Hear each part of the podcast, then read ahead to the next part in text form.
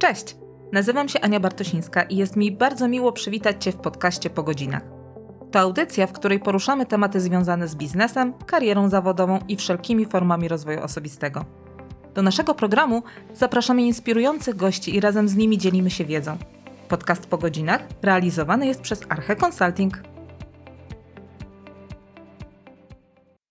Naszym gościem jest dziś Angelika Śniegocka, dyrektor personalna z ponad 20-letnim doświadczeniem, koczka rozwoju zawodowego, mentorka umiejętności liderskich. Od 15 lat wspiera kobiety w rozwoju zawodowym, prowadząc szkolenia, konsultacje, programy mentoringowe, autorka trzech książek również w temacie rozwoju zawodowego. I o tym właśnie dzisiaj porozmawiamy. Dzień dobry, bardzo jest mi miło Panią gościć. Dzień dobry, mnie również bardzo miło i z przyjemnością przyjęłam to zaproszenie.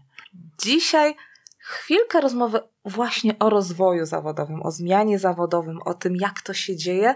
Jesteśmy w bardzo mm, dynamicznym świecie. Te zmiany zawodowe następują częściej niż następowały 10, 15, 20 lat temu. I chciałabym zacząć tą naszą rozmowę od takiego początku, czyli od decyzji. Jak w ogóle to się dzieje, że my podejmujemy te decyzje o zmianie zawodowej? Jak ten proces wygląda?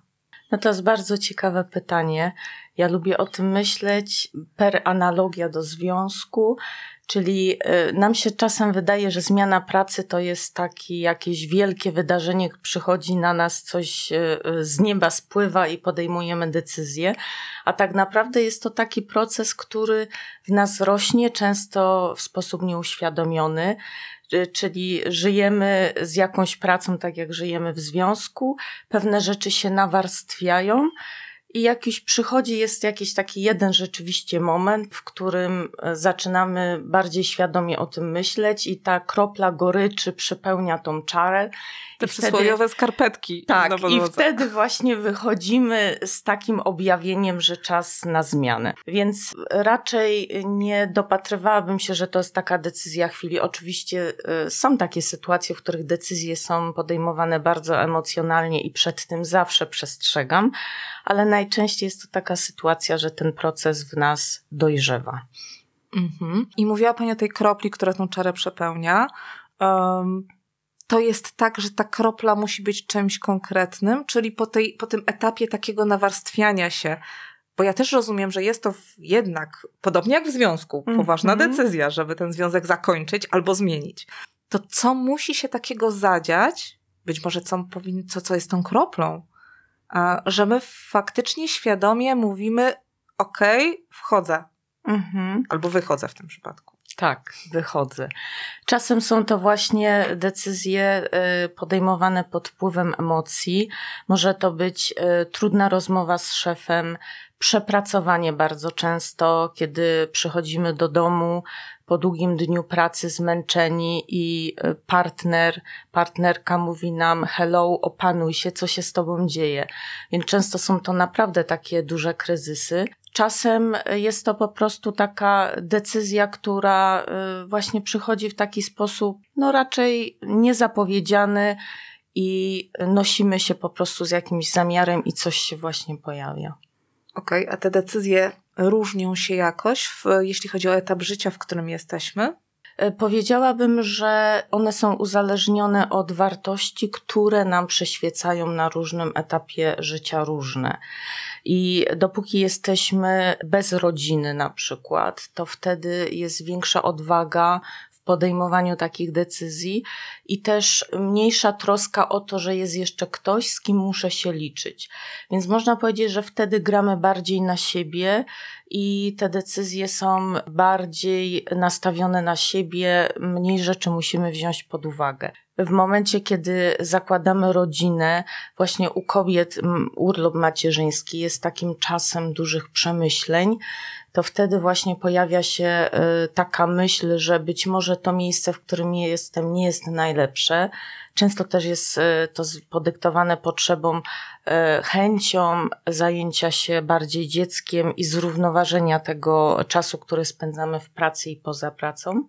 I powiedziałabym, że takim trzecim przełomowym okresem jest czas takich pierwszych podsumowań życiowych, czyli tak po czterdziestce, bliżej pięćdziesiątki, kiedy zaczynamy sobie zadawać pytanie, czy to już wszystko, co chce od życia, czy być może potrzebuje jakiejś zmiany, a jeżeli tak, to kiedy? Często właśnie jest takie poczucie, to już ostatni dzwonek, kiedy jak nie teraz. I to jest właśnie taki, można powiedzieć, trzeci przełom, kiedy jesteśmy chętni do podejmowania zmian. Rozumiem, że niezależnie od tego, w którym etapu, etapie życia teraz jesteśmy i który ten etap mniej lub bardziej sprzyja tym zmianom, to za tym kryją się też różne motywy, bo my możemy się w jednym, czy drugim, czy trzecim przełomowym etapie zastanawiać nad tą zmianą, ale tam coś za tym zastanawianiem się zawsze stoi.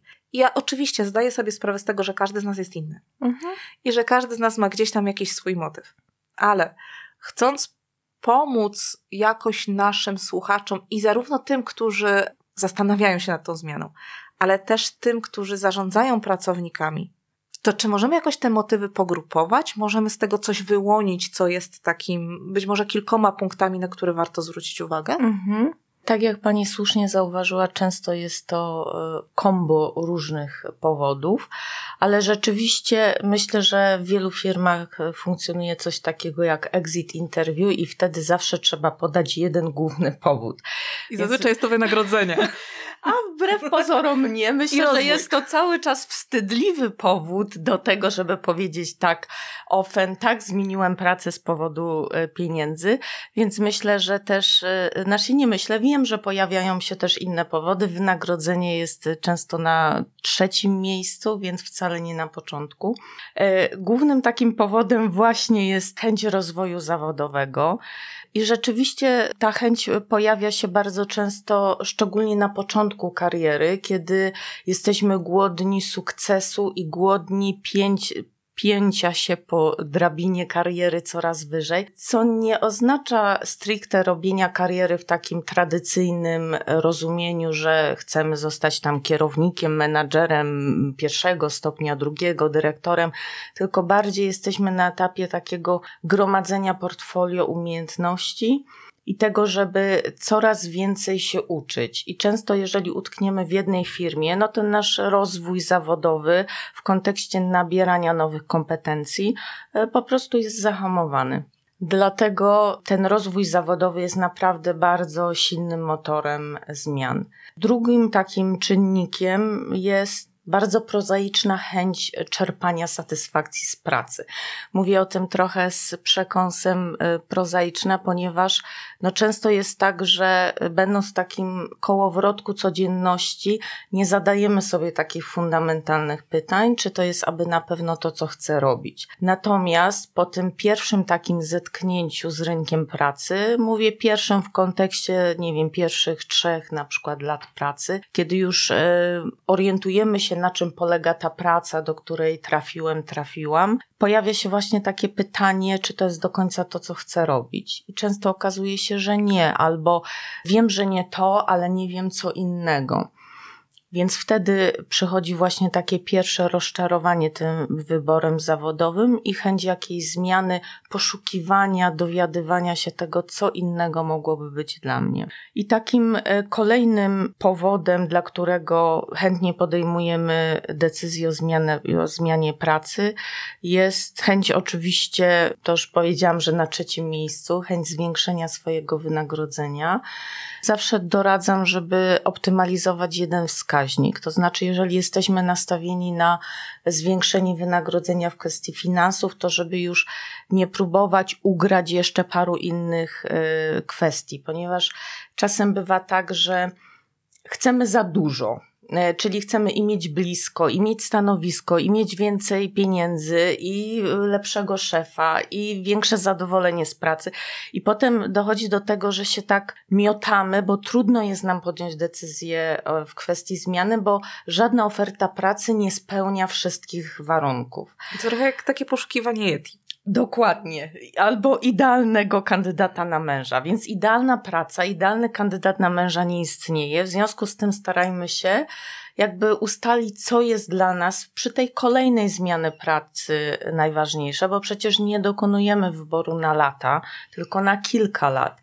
Więc y, optymalizacja wynagrodzenia jako główny wskaźnik zmiany jest jak najbardziej ok, natomiast trzeba sobie też właśnie odpowiedzieć na pytanie, co jest dla mnie najważniejsze. Jeżeli pieniądze, to ok, idę tam, gdzie mi więcej zapłacą, a rozwijać zawodowo będę się w kolejnej pracy, przypuśćmy. Przy kolejnej zmianie. Przy kolejnej zmianie, tak. Ale to też jest ciekawe, bo ja mam wrażenie, że to, co pani powiedziała, tak, że tej zmiany, którą dokonuję, to nie jest zmiana na zawsze, to nie jest zmiana na, drugie, na długie lata, to jest coś, co my też mentalnie przechodzimy, a część z nas jeszcze na rynku pracy jeszcze do końca nie przeszła tej, tej transformacji, bo kiedyś było faktycznie tak, że gdzieś tam ta zmiana, ona była na długie lata.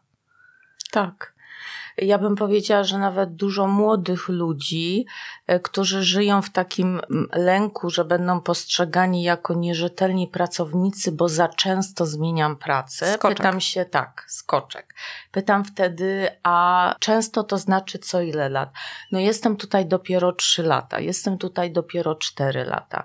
Więc jest taka nawet wśród młodych ludzi obawa, że to będzie źle odebrane przez pracodawców. Poza tym też jest taka obawa, y, która towarzyszy tej zmianie, że to kolejne miejsce nie będzie wystarczająco dobre.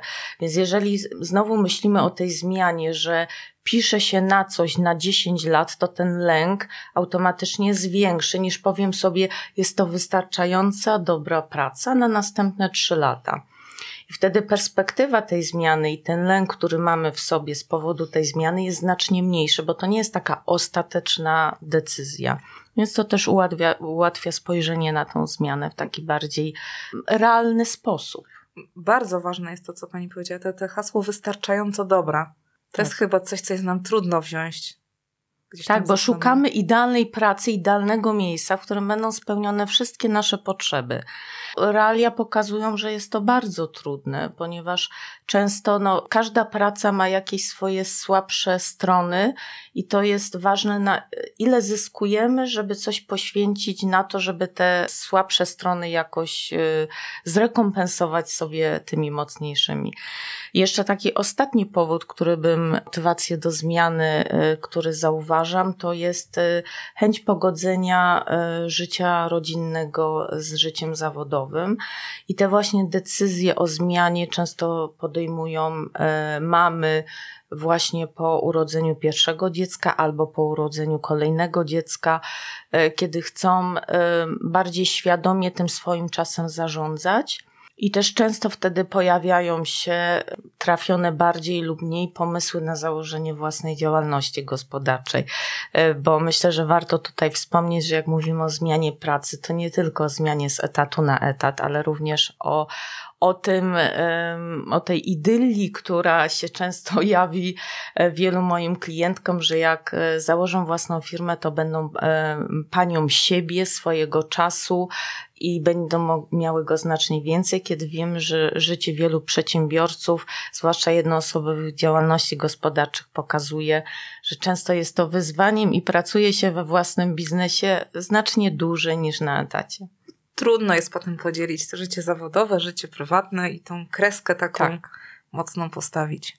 Te motywy, o których e, pani mówi, faktycznie wiążąc to z tym, co pani powiedziała wcześniej, że różne są etapy te decyzyjne w życiu, one mi się gdzieś tam bardzo łączą w głowie.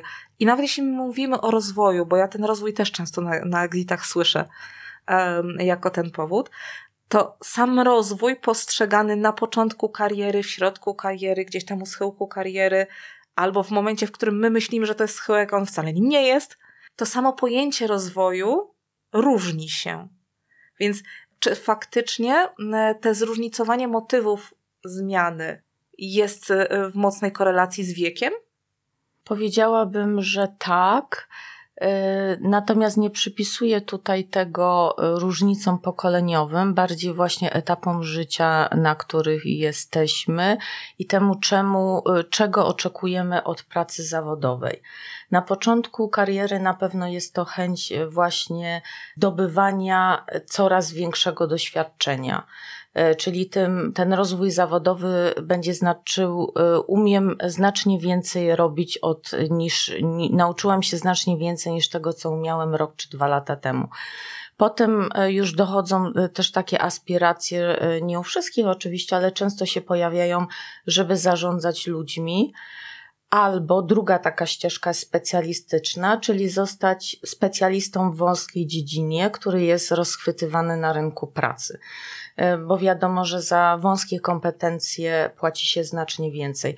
Więc tutaj często osoby stoją na rozdrożu, zwłaszcza w branży IT, kiedy trzeba podjąć taką decyzję, czy chce być menadżerem, czy chce być e, wysokiej klasy specjalistą. I myślę, że też y, oczywiście dochodzi do tego jeszcze, y, tak jak mówię, dochodzą, nakładają się na to nasze wartości, które są związane z etapami życia, bo bezpieczeństwo finansowe co innego znaczy dla osoby, y, która jest sama sobie sterem okrętem. Co innego, kiedy y, ma jeszcze do utrzymania rodzinę, nawet jeżeli nie robi tego sama. Y, I też zauważam, że w zależności od tego, jak silne mamy taką różne wartości, czy dominują nas y, poczucie, potrzeba bezpieczeństwa finansowego, y, czy potrzeba samorealizacji, to będziemy też podejmować różne decyzje na różnym etapie życia. I myślę, że taką są wartości, które wspierają y, nasz rozwój zawodowy, a są takie, które go trochę ograniczają, powodują, że wybieramy to, co jest znane, bardziej bezpieczne, przywiązanie do miejsc, przywiązanie do ludzi. I też się często spotykam e, z takim lękiem kobiet, które przychodzą do mnie na coaching, konsultacje, że nie chcą zrobić przykrości swojej szefowej, że co ona beze mnie zrobi. I to jest właśnie to, jest właśnie to budowanie relacji, bo o ile nie wierzę w to, że odchodzi się od złych szefów, to znaczy nie tylko to jest y, y, głównym powodem. Uważam, że jest całe kombo różnych powodów i być może relacje z szefem są do tego dodatkiem. To o tyle bardzo często zatrzymuje nas w pracy dobra relacja z szefem, czyli właśnie to, co on sobie beze mnie biedny, jak sobie poradzi.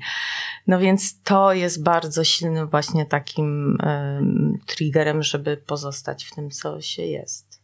No proszę, a takie popularne jest to stwierdzenie, tak? tak? Że ludzie przychodzą do firmy, odchodzą od szefa. Tak. Naprawdę takich sytuacji, żeby ktoś mógł z całą pewnością powiedzieć, że szef jest głównym motywem, jest mało. E, są to rzeczywiście czasem jakieś emocjonalne bardzo sytuacje, kiedy podejmujemy decyzję o zmianie pracy na wskutek emocji, ale e, normalnie to jest cały konglomerat. Właśnie tak jak w tym związku, zbiera się, zbiera, zbiera i potem właśnie jest jakiś jeden incydent, któremu przypisujemy e, jakąś nadzwyczajną moc w tej decyzji, ale tak naprawdę to była decyzja, która rosła i być może ta e, sprzeczka z szefem była tylko tą kroplą, ale nie można powiedzieć, że to finalnie zadecydowało o tej zmianie, ale nie spowodowało całego tego procesu. Czyli mamy kilka takich podstawowych grup motywatorów, które ciągną, nam, ciągną nas do tej zmiany. No to takie pytanie być może trochę kontrowersyjne. Mhm. Czy wśród tych motywów są lepsze i gorsze? Czy wśród tych motywów są takie, które przyniosą nam lepsze, gorsze skutki? Mhm. Powiedziałabym, że właśnie takim, wrócę znowu do tych wartości, że to osadzenie w wartościach może sprzyjać zmianom albo je hamować a już taką dosyć częstą sytuacją jest konflikt wartości, że chcemy zjeść ciastko i mieć ciastko, czyli cenimy sobie bezpieczeństwo, to, że wszystkich znamy, e, to, że firma nas zna, docenia, ale jednocześnie chcielibyśmy coś zrobić innego i zaryzykować. I wtedy mówię, no to spójrz na to, co masz na talerzu i zastanówmy się, która z tych wartości potrzebuje się na dany moment znowu, w tym, na tym etapie życia, którym jesteś, y, bardziej wyrazić w Twoim życiu. Więc z tych takich właśnie wartości, które nas hamują w poszukiwaniach pracy, to na pewno właśnie jest lęk przed zmianą. Tutaj widzę takie ryzyko przerdzewienia, Pracownicy często nazywają to wypaleniem, ale żeby się wypalić, to trzeba najpierw płonąć. A jeżeli mamy nudną, rutynową pracę, nic nas y, w niej nie cieszy, to tak naprawdę y, nie mówimy o wypaleniu, bo wypalenie ma miejsce wtedy, kiedy najpierw jesteśmy bardzo zaangażowani, y, żyjemy tą pracą, poświęcamy jej całe życie, ona nam nie oddaje tego, czego od niej oczekujemy.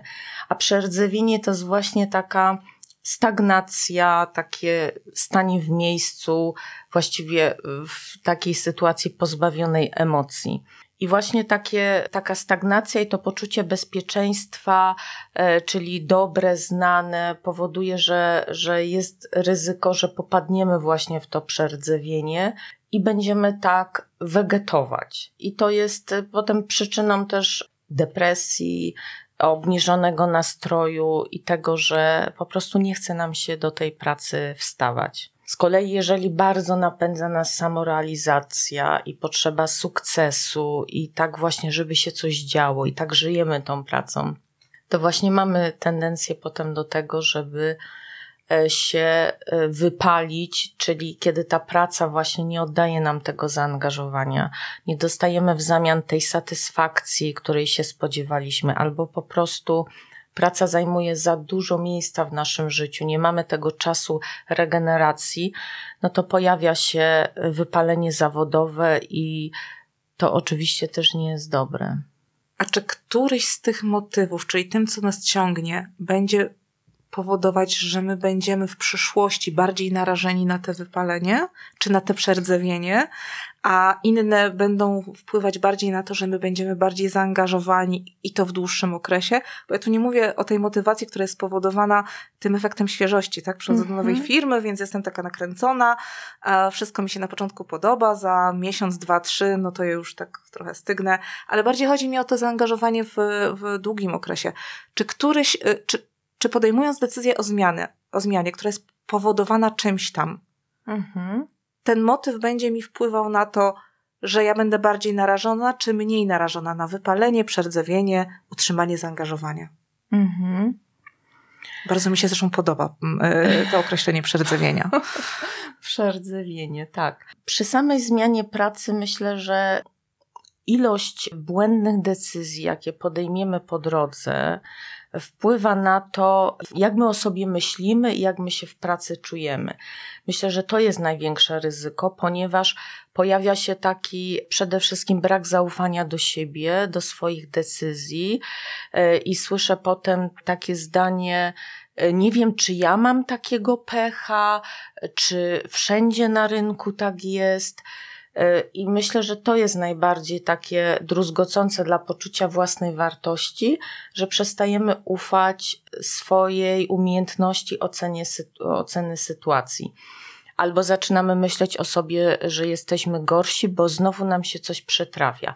Znowu z szefem coś nie tak, e, znowu e, zespół nie zaakceptował mnie, więc wtedy pracujemy nad tym, żeby zastanowić się, ok, umiesz e, zmieniać pracę w tym kontekście, że potrafisz przekonać na etapie rekrutacji, że jesteś dobra i zostajesz zatrudniona i co się potem takiego dzieje, że nie potrafisz utrzymać tej pracy. Więc no powiedziałabym, że ten element właśnie negatywnych, złych decyzji zawodowych jest bardzo rujnujący dla, dla naszego poczucia własnej wartości. To w związku z tym, jak ja się powinnam do tej decyzji przygotować? Jeśli jestem na tym etapie, że zaczynam rozważać w ogóle zmianę, mhm. to na co ja mam zwrócić uwagę. I nie chodzi mi tutaj tylko o, o zwrócenie uwagi, nie wiem, na to, jak konstruuję swoje CV, tak? W których miejscach szukam tej pracy. Bardziej chodzi mi o to, na co ja mam zwrócić uwagę w kontekście tej mojej decyzji, w kontekście tego, gdzie ja chcę wyruszyć, dlaczego chcę wyruszyć, co chcę tam znaleźć, co powinno być taką moją pracą, którą ja wykonam. Mhm. Żeby właśnie uniknąć tego, o czym pani mówi, nie? Tak. Przede wszystkim nie podejmować decyzji o zmianie prasy pod wpływem emocji. Ciągle jeszcze zdarzają się takie sytuacje, że ktoś pod wpływem emocji składa wypowiedzenie, nie mając żadnego planu B. E, I potem pojawia się po pierwsze presja znalezienia pracy, która wpływa na to, że mamy trochę ograniczoną możliwość oceny tej nowej oferty, bo nas goni czas, bo mamy lęk, że nic lepszego się nie trafi, więc yy, pośpiech Kredyt jest... hipoteczny nas goni. Dokładnie, więc y, pośpiech jest bardzo złym doradcą tutaj, więc przede wszystkim nie pod wpływem emocji. Drugi taki element tej decyzji to jest y, poznanie siebie. Mówię właśnie o tym w kontekście y, tych wartości, czyli wiedzieć, co jest dla mnie na dany moment ważne. Jeżeli jakieś, chcę, chcę, jak ja to mówię, chcę mieć ciastko i zjeść ciastko, to już można sobie od razu powiedzieć, że pewne rzeczy nie są możliwe i warto ustalić sobie priorytet, co na dany moment właśnie optymalizuje przy tej zmianie, czy wynagrodzenie, czy nazwę stanowiska, czy odległość od domu, e, czy firmę, branży, do której chce się, chce się dostać. Więc warto tutaj odpowiedzieć sobie na to kluczowe pytanie, kim jestem i czego potrzebuję na dany moment. E, też polecam, żeby zrobić taką mm, analizę na chłodno, czyli co jest za zmianą, co jest przeciwko zmianie, ponieważ wtedy właśnie uświadamiamy sobie, e, co nas z tej pracy wygania, a co jest taką, co jest dla nas ważne i co chcemy też y, utrzymać w kolejnej pracy. Jeżeli podejmujemy takie decyzje, często y, kieruje nami motywacja negatywna, czyli uciekam od. Ale też e, warto sobie zadać pytanie, do czego chcesz e, pobiec, czyli ku czemu biegniesz, co cię woła, e, czego oczekujesz od nowego miejsca. To jest strasznie trudne, bo ja mam takie wrażenie, że my jesteśmy bardzo dobrzy w tym, żeby określić, czego nie tak, chcemy. Absolutnie. I bardzo trudno jest właśnie odpowiedzieć sobie na pytanie, czego chcemy, jeżeli już nie chcę mieć tej toksycznej atmosfery, tych nadgodzin, to, to co chcę? Y, I też y, co jest dla mnie w zakresie obowiązków y, czymś, do czego dążę, bo inaczej praca wygląda w małej firmie, kiedy się robi wszystko, inaczej w dużej, kiedy na wszystko są procedury i ten wycinek zadań, z którymi mamy do czynienia, jest relatywnie wąski. Więc wiele osób nie zadaje sobie tego typu pytań i ma poczucie, że działa w ciemno, a tak naprawdę wcale nie trzeba działać w ciemno, bo można sobie na poznając siebie, y, można sobie na pewne pytania już z góry odpowiedzieć i doprecyzować tą ofertę, y, której szukamy. No bardzo łatwo się mówi poznać tak, siebie. Bardzo. Absolutnie, absolutnie. E, Podejrzewam też, że gdzieś tam, jeśli jestem na skraju tej decyzji i faktycznie dużo łatwiej jest mi powiedzieć i określić, czego ja nie chcę, to żeby wykonać tą pracę w drugą stronę, czyli w tą stronę, czego ja chcę, to czego ja potrzebuję, co mi może w tym mhm. pomóc, żebym ja w ogóle w tej pracy coś, coś z niej wyniosła, mhm. bo to jest też tak, że ja nie do końca mogę na przykład wiedzieć, znać, e, mieć możliwości. Mogę mieć dwadzieścia parę lat i poznałam jeden typ organizacji w swoim życiu, bo przepracowałam tam trzy lata i już wiem, że w takiej nie chcę pracować. Tak. Marzy mi się, nie wiem, korporacja, albo startup, albo e, jakiś tam rodzaj firmy, w której ja mam wyobrażenie, że się tak, a nie inaczej będzie pracowało. Um, więc jakby co pomoże mnie mhm. osobiście, żeby w tą pracę w siebie, z tej pracy z siebie wyciągnąć te, to, co powinnam z niej wyciągnąć. Mhm. Ja właśnie mówię, ciekawie, że, że podjęła Pani ten wątek, bo ja zawsze mówię, że nie trzeba kupować samolotu, żeby się nim przelecieć. Czyli właśnie dobre rozeznanie rynku służy temu, żeby trochę zweryfikować swoje wyobrażenia na temat pracy z rzeczywistością. I można to zrobić w taki sposób, że e, na przykład e, generalnie ludzie bardzo lubią pomagać. Ja wiem, że, że nie każdy ma taką odwagę, żeby zaczepiać obcych ludzi na LinkedInie, ale e, jest to bardzo dobry sposób na to, żeby chcąc wejść do jakiejś firmy, czy podjąć szkolenie, zanim w ogóle podejmie się doszkalania jakąś naukę w kierunku nowego zawodu, porozmawiać z osobą, która już e, tą pracę wykonuje. I wiem z doświadczenia, że różni specjaliści bardzo chętnie reagują na takie zapytania i prośby, ponieważ ludzie lubią o sobie opowiadać, czują się też dowartościowani tym, że ktoś ich chce wysłuchać, że ktoś chce poznać ich zdanie. Wiadomo, że nikt się nie umówi na godzinną rozmowę, ale próba nawiązania kontaktu z kimś, czy to mailowego, czy umówienie się na taką rozmowę krótką telefoniczną, wiewa masę naszych wątpliwości i przede wszystkim jakichś wyobrażeń, które mieliśmy o danej pracy, czy o pracy w danej firmie. Oczywiście jest też e, możliwość odbycia jakichś staży, wolontariatu, czyli wkręcenia się do jakiejś firmy, zrobienia czegoś bezpłatnie po godzinach, po to, żeby poznać trochę tą pracę od środka. Ale myślę, że same takie właśnie wywiady z ekspertami bardzo dużo dają. Bardziej, że gdzieś w tym e, młodszym pokoleniu, to co Pani mówiła wcześniej o tym podejmowaniu decyzji bez zaplecza, to coś, co ja obserwuję, co, co coraz częściej ma miejsce, ci ludzie mają odwagę do podejmowania tych decyzji bez zaplecza. Tak.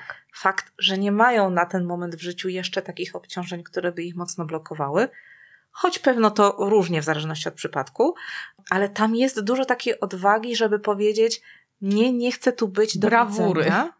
O właśnie, odwagi, brawury, jak pani to widzi? E, często nazywam to brawurą, ponieważ e, kiedy właśnie e, pracuję z e, klientkami, głównie, głównie z kobietami pracuję, to często mają takie pomysły na siebie dosyć, bym powiedziała, ad hoc i one często ewoluują. Więc w trakcie procesu coachingu przechodzimy przez kilka pomysłów na siebie, i to są takie pomysły, że myślę, że może założyłabym przedszkole i to nie jest myśl, która jest ze mną od jakiegoś czasu, tylko od wczoraj. Traktuję to jako bardzo poważny pomysł do tego, żeby go rozpaczyć. Więc często też e, poświęcamy dużo czasu na weryfikację tych pomysłów, ponieważ właśnie no takie, nie chcę powiedzieć, że bezrefleksyjne, ale właśnie takie brawurowe myślenie o swojej przyszłości powoduje, że jesteśmy jednak skazani na masę rozczarowań, bo podejmujemy decyzje dotyczące naszego życia trochę bez przygotowania, bez rozeznania gruntu i bardzo często, bo nam się wydaje, że wypalenie zawodowe pojawia się, nie wiem, po wielu latach pracy, albo że zawody pomocowe, pielęgniarki, służba zdrowia jest na to narażona. Natomiast coraz częściej pojawia się ono u młodych ludzi z powodu takiego zetknięcia z rzeczywistością. Wielu tych rozczarowań można by uniknąć, jeżeli wcześniej zrobi się rozeznanie, na czym ta praca naprawdę polega, czy ona bazuje na moich mocnych stronach i czy to jest w ogóle coś, do czego warto się e, przymierzyć. Z jednej strony te takie spojrzenie na chłodno, e, trochę z dystansu, przeanalizowanie sytuacji pomoże nam w takim zdroworozsądkowym wyborze dalszej ścieżki. Z drugiej strony, jeśli mówimy o tych pomysłach typu właśnie założę przedszkole, to jest fajny pomysł i on gdzieś tam niesie. I to jest jakaś idea, którą tą osobę niesie. I teraz pytanie, czy my gdzieś tam schodząc tak mocno w te realia i, i, i urynkawiając się trochę, nie wytracamy tej motywacji, energii, która niesie z tym pomysłem. Jak tego uniknąć, żeby nam tej energii zabrakło, nie zabrakło? Mhm. Myślę, że urealnienie właściwie jest pewnym darem, bo chroni nas przed popełnieniem jakiegoś błędu w karierze, więc myślę, że to jest bardzo dobre. Natomiast to, co nas powinno nieść, to y, nasze mocne strony i te motywatory, które odkrywamy. Więc właściwie zetknięcie tych y, naszych motywatorów z tym y, realnością jest pewnym prezentem, bo się okazuje, że nie idziemy do czegoś, co w ogóle nam nie służy. Więc skupmy się na naszych mocnych stronach i na tym, w jaki sposób możemy je wykorzystać. I myślę sobie, że jeśli to zrobimy, e, jeśli świadomie podejmiemy tę decyzję, to nasz przyszły pracodawca będzie miał wielkie szczęście, bo razem z nami przyjdzie to nasze nastawienie, przemyślane, jasna decyzja, dużo łatwiej będzie nam budować relacje w tym nowym miejscu, być zaangażowanym w to, co chcę robić, bo mam to przemyślane. A ten temat zaangażowania dla, dla pracodawców z tej drugiej strony to jest taki mocny języczek uwagi już od dobrych paru lat. Tak i mocno się z nim, e, z nim borykamy w, w HR-ze. E, I te osoby, które do nas przychodzą, mają swoją różną historię.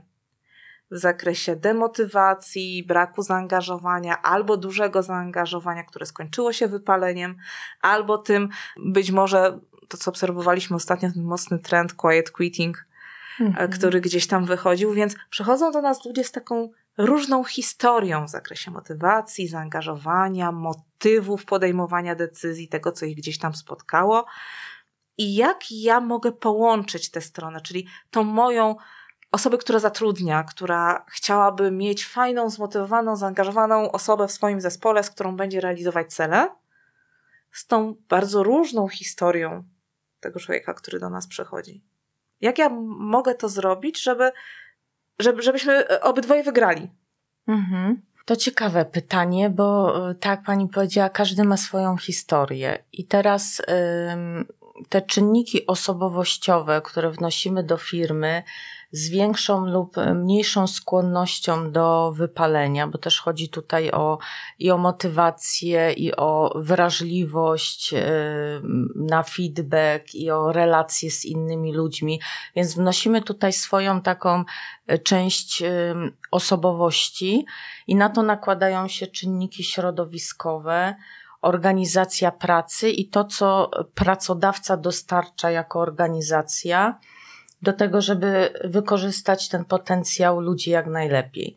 I teraz to, co powoduje y, zagrożenie dla motywacji pracownika, jest na pewno zbyt szeroki albo zbyt wąski zakres obowiązków, czyli właśnie albo wchodzimy w to, że jestem, mam po prostu nudną, rutynową pracę, albo z kolei mam tak szeroki zakres obowiązków i konieczność przestawiania się, multitaskingu, przestawiania się na różne zadania, które e, no, ryzykuje właśnie poczucie wypalenia tego, że, że układ nerwowy po prostu tego nie zdzierży. E, do tego dochodzą jeszcze duże wymagania ze strony firmy przełożonego, brak często jasnych zasad, jak pewne rzeczy robić, czyli pracownik musi cały czas dowiadywać się, czego się od niego oczekuje. E, nie ma jasno postawionych celów, e, nie ma informacji zwrotnej na temat swojej pracy to są właśnie te czynniki, które sprawiają, że ten zapał y, pracownika i, i ta jego motywacja i to wszystko, co wnosi, zderza się z takim organizacyjnym betonem albo z chaosem organizacyjnym, co jest y, niestety dosyć częste że y, po prostu ten zapał zaczyna maleć, no i wtedy właśnie dochodzimy do tego, że jestem znowu wypalona i znowu muszę sobie poszukać lepszego miejsca. Ale pracodawca mając, zapewniając takie właśnie warunki brzegowe w postaci ładu w organizacji, w postaci pozytywnych relacji, jasnych wymagań, feedbacku, y, no, wspiera właśnie to, żeby ten zapał nie malał. Jako pracodawca mogę zająć się tymi tematami z lepszym lub gorszym skutkiem. Wiadomo, to tak. różnie w różnych firmach bywa. E, I pewnie mam takie oczekiwanie, bo wielu z szefów ma takie oczekiwanie, że przychodzi ten człowiek, ja się staram, organizacja się stara i chcemy, żeby ten człowiek został zaangażowany na długo, a wracając do początku naszej rozmowy, mówiliśmy o tym, e, czy ta praca dla mnie jako osoby szukającej pracy, szukającej zmiany, niekoniecznie musi być na lata, ale czy ona jest na teraz wystarczająca. Mhm. No i tu znowu mamy zderzenie dwóch różnych perspektyw. Ta praca wystarczająca dla mnie na najbliższe powiedzmy 2-3 lata, mhm. E, a z drugiej strony ja jako szef, który chciałby mieć nie pracownika na 2-3 lata, ale być może na 5, 10 czy 15. I tu też mamy później ten etap, w którym któraś ze stron jest rozczarowana. Tak a nie musi być rozczarowana. No właśnie, jak, jak, y, jak z tym pracować? Mhm. Duże organizacje mają tutaj jakąś przewagę, ponieważ y, stwarzają możliwości rozwoju w różnych działach. Więc y, zawsze zachęcam do tego, żeby spróbować zmienić zadanie, rolę w swojej organizacji, no bo niewątpliwie ma się taki plus, że się zna firmę, zna zasady, zna ludzi i też ma się ogromny kredyt zaufania, który jest kluczowy, kiedy zaczyna się zajmować zupełnie czymś innym i, i nie ma się jeszcze doświadczenia. Natomiast szefom, którzy chcą swoich pracowników zatrzymać na 15 lat, mogę powiedzieć, że warto zawsze odświeżać swój zespół, czerpać z pomysłów różnych ludzi. I sama buduję, budowałam zespoły w różnych firmach i zawsze poczytuję to za plus, że e, te zespoły żyją, że przychodzą nowi ludzie, którzy wnoszą nowe spojrzenie.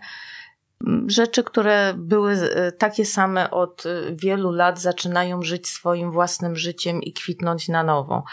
Więc myślę, że nie jest dobre takie myślenie, żeby przez 10 lat ktoś robił to samo, bo oczywiście można pracować kilkanaście lat w jednej firmie i się cały czas rozwijać, poszerzać swoje kompetencje, być na różnych stanowiskach i wtedy trochę to jest tak, jakby się przez te kilkanaście lat robiło różne rzeczy. Więc to jest inna sytuacja. Dlatego szefów absolutnie zachęcam do tego, żeby patrzyli na, na zespół jak na potencjał możliwości i chętnie przyjmowali nowe osoby do siebie. To też w kontekście takiej długofalowej strategii. Myślę też, że jest coś, co my mamy do przepracowania w firmach, tak? Na zasadzie firm bu budowanych w oparciu mm, o wiedzę, która jest w organizacji, w której ci ludzie przepływają, rozwijają się w środku lub na zewnątrz, a my i tak jesteśmy z tego dumni. To jest coś, co my gdzieś tam generalnie mamy do przepracowania również jako pracodawcy. Absolutnie. I często też jest tak, że kiedy dzieją się w firmie jakieś duże zmiany, kiedy y, przychodzą nowi szefowie i wprowadzają nowe porządki, i firma się jakoś bardzo zmienia, nie mówię o jakichś małych zmianach organizacyjnych, to często jest tak, że pracownicy wtedy czują się trochę tak, jakby zapisali się do nowej firmy. I dlatego duże zmiany czy fuzje są takie trudne, że powiedzieliśmy tak jakiejś organizacji, która funkcjonowała w jakiś sposób, i potem z poniedziałku na wtorek e, mamy być inną firmą, w której panują inne zasady, i to są właśnie takie przełomowe momenty, których wielu pracowników e, nie przetrzymuje i po prostu odchodzą.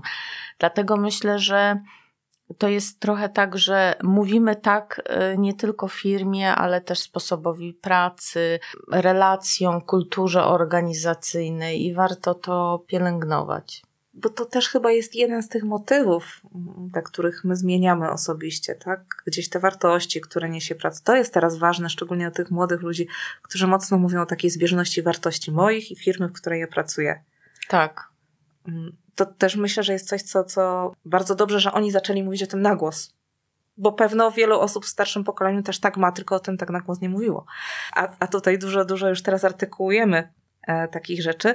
I to jest tyle fajnie, że nam to łączy w pewien sposób perspektywę pracownika i perspektywę firmy, bo jeśli my jesteśmy w stanie zgrać się na, na pozycji właśnie kultury organizacyjnej, wspólnych wartości, tego jak się komunikujemy, jak się organizujemy, to dużo łatwiej nam będzie utrzymać to zaangażowanie i dużo łatwiej nam będzie um, również rozpoznać ten moment, w którym nasz pracownik zaczyna się zastanawiać nad zmianą. Absolutnie. I to jest ciekawe, że właśnie e, zauważyła to pani, bo to jest, mam takie poczucie, że kiedyś ten rozdział między wartościami e, firmy a pracownika był jakby taki oczywisty, bo się dzieliło mocno, że to jest moje prywatne życie, a to jest e, e, życie w firmie. I trochę tak jakbyśmy mieli podwójne osobowości. Jestem sobą w domu, a w pracy jestem kim, tym, kim chce pracodawca, żebym była.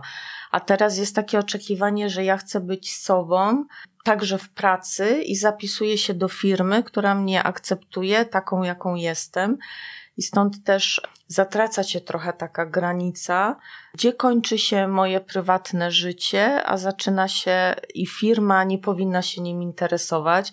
Myślę chociażby nawet o takich y, trendach jak właśnie zarządzanie kryzysowe w firmie, dbałość o samopoczucie, pracowników, e, neuroróżnorodność. To są tematy, które kiedyś należały do tak zwanego życia prywatnego, strefy prywatnej pracownika. Teraz wchodzą w trochę przestrzeń publiczną, w życie firmy i jako pracodawcy odpowiadamy na te potrzeby i nie, nie udajemy, że nie ma tematu. To chyba też jest taka, takie zdanie, które nas mocno prowadzi do tego, żebyśmy sformułowały jakąś konkluzję z tej rozmowy, tak? To nie udawanie, że nie ma tematu. Mhm. Chyba z każdej strony, i tej pracownika, i tej pracodawcy, warto spojrzeć na to właśnie pod tym kątem. Nie udawajmy, że nie ma tematu. Nie udawajmy, że nie ma tematu zmiany. Nie udawajmy, że będziemy razem przez najbliższe 30 lat albo do emerytury. Związani. Związani ze sobą. związani ze sobą na zawsze i te zmiany będą, bo te motywy u ludzi występują. No i teraz my z każdej strony, jeśli będziemy uważni na siebie, to możemy sobie w tych decyzjach pomóc i firma pracownikowi, i pracownik w firmie. Ja trochę to tak I widzę. wspierać się, wspierać się w tych decyzjach, bo nie zawsze zatrzymanie pracownika powinno być celem dla pracodawcy. A często jest. A często jest. Dokładnie. No to myślę, że to jest, to jest ciekawe na dzisiaj. Żebyśmy sobie zdefiniowali, jakimi motywami, motywami się kierujemy, żebyśmy się wspierali nawzajem w realizowaniu, e, obydwie strony w realizowaniu swoich celów, a kiedy trzeba, mieli taką odwagę jedno i drugie, żeby powiedzieć, tu się nasza wspólna droga kończy. Właśnie. To jest piękne podsumowanie naszej rozmowy. Dziękuję bardzo za to spotkanie. Dziękuję również. Dziękujemy za poświęcony czas. Jeśli spodobał Ci się ten odcinek, koniecznie podziel się nim z innymi i udostępnij go w swoich social mediach. Będziemy wdzięczni za wystawienie oceny na Spotify lub iTunes i za obserwowanie naszego kanału. To wszystko na dziś. Do usłyszenia po godzinach.